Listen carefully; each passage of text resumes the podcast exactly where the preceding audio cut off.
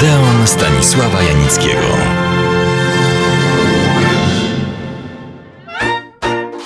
Przed tygodniem rozpocząłem swoją opowieść o wspaniałej tancerce i wcale nie gorszej aktorce Ginger Rogers. Tak, to ta, którą wymienia się jednym tchem z jej równie wspaniałym partnerem, tancerzem, choreografem, a także znakomitym aktorem Fredem Astaire.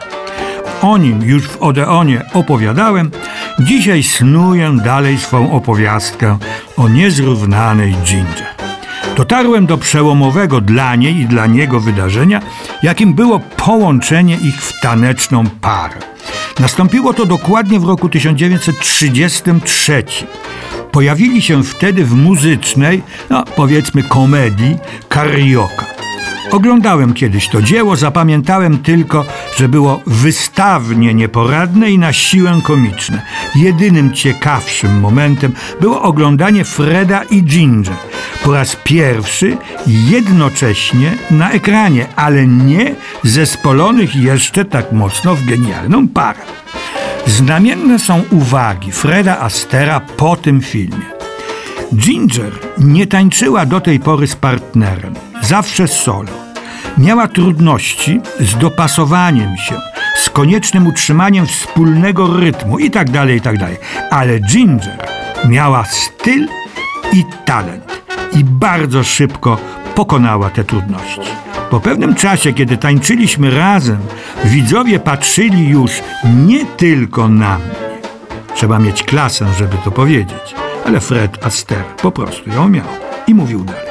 Ginger była w sposób nadzwyczajny w tym, co robiła, skuteczna, osiągała to, co zamierzała, ale nigdy czyimś kosztem. Pracowaliśmy naprawdę razem. Jej wkład w nasze sukcesy był oczywisty. W filmie z 1934 roku Wesoła rozwódka oboje wystąpili już w głównych rolach. Fabułka, jak to zwykle w takich dziełach, była tylko pretekstem do popisów tanecznych i wokalnych. To w tym filmie Fred Astaire śpiewa przebój wszechczasów Night and Day, a ekranowi kochankowie, mimo niezmierzonej ilości zwariowanych przygód, w końcu się jednoczą i happy end wieńczy dzieło. To jest Odeon Stanisława Janickiego w RMF Classic. Powodzenie filmu było niebywałe. Sale kinowe oraz kasy kin i wytwórni pęczniały, więc ciąg dalszy łatwo można było przewidzieć. W sumie Fred i Ginger wystąpili razem w dziesięciu filmach hollywoodzkich. Mówić o wszystkich po kolei to cudowne zajęcie dla oddanych admiratorów tej pary. Wprawdzie ja też do nich należę jako członek honorowy, rzecz jasna, ale mimo wszystko nie chciałbym nadużywać Państwa cierpliwości. Więc wspomnę tylko najważniejsze. Top Head, czyli po naszemu Panowie w cylindrach, rok 1935. Posłużę się standardowym streszczeniem zawiązania akcji. Amerykański tancerz Jerry przyjeżdża do Londynu, aby przygotować swój show. Jego przyjaciel oznajmia mu, że jego żona Madge spędza wakacje w Wenecji i zaprasza ich obu na weekend. Ma ku temu powody. Chciałaby poznać Jerry'ego z pewną młodą dziewczyną. Uważa bowiem, że już najwyższa pora, by Amerykanin się ożenił i ustatkował. Ach, te swatki. Kim jest młoda dziewczyna? No rzecz jasna grają Ginger Rogers, więc reszta nie jest już ważna.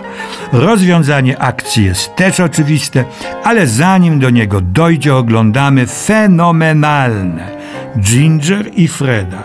Tańce opowieści, tańce wyznania, tańce marzenia, tańce obietnice. Co więcej, słyszymy przebój ponadczasowy cheek cheek.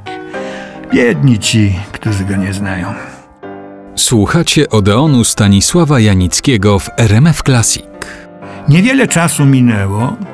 Hollywood wie, jak się idzie za ciosem. A na ekrany całego świata wszedł kolejny par Fred i Ginger film Lekkoduch.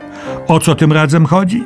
Tancerz zwany Laki, szczęśliwy, co nie zawsze znajduje potwierdzenie w tak zwanym realu, nie może pojąć za żonę swą ukochaną, ponieważ jej ojciec, Boże, co to za ludzie, żąda, by przyszły zięć posiadał 25 tysięcy dolarów. To takie rodzicielskie zabezpieczenie na wszelki wypadek.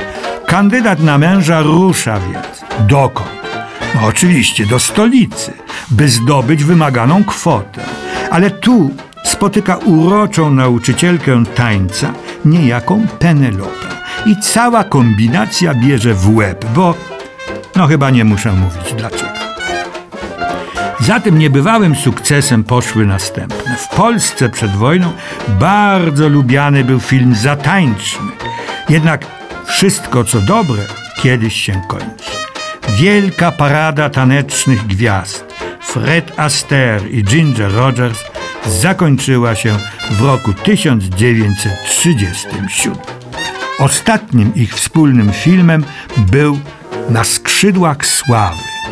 Podkreślę ich wspólnym filmem, co wcale nie znaczy, że oboje spoczęli na laurach i przeszli na zasłużoną emeryturę.